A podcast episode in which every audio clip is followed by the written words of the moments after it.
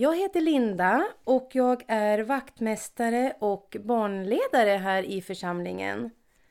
Och tänker nu läsa ur Barnens bästa bibel. Den tomma graven. Det hade gått två dagar sedan den fruktansvärda fredagen. Ingenting skulle någonsin bli sig likt igen efter Jesus död. Nu var det tidigt på söndagsmorgonen och två kvinnor var på väg till Jesus grav. De skulle smörja hans kropp med väldoftande kryddor och oljor. Man brukade göra så på den här tiden. Maria från Magdala var en av dem som hade följt Jesus och lyssnat till hans ord. Nu bar hon olja att smörja hans döda kropp med. Det var så hemskt det som hade hänt. Hur kunde de döda honom? Han som inte hade gjort något ont. Bredvid henne gick en annan Maria. Hennes ögon var fulla av tårar och hon hade svårt att se var hon satte fötterna. Hon stannade och satte ner kryddorna för att kunna torka sina tårar. Det var då hon såg det. Stenen, den var bortrullad ifrån graven. När de kom in i graven upptäckte de att Jesus kropp var borta. De blev mycket upprörda.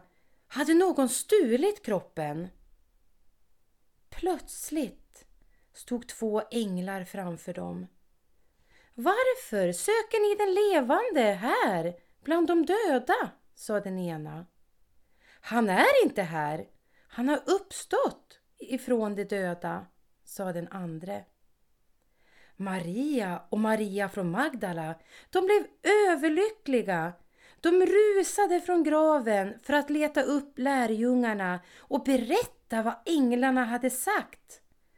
Tänk vad glada alla skulle bli nu. Fast riktigt så blev det inte.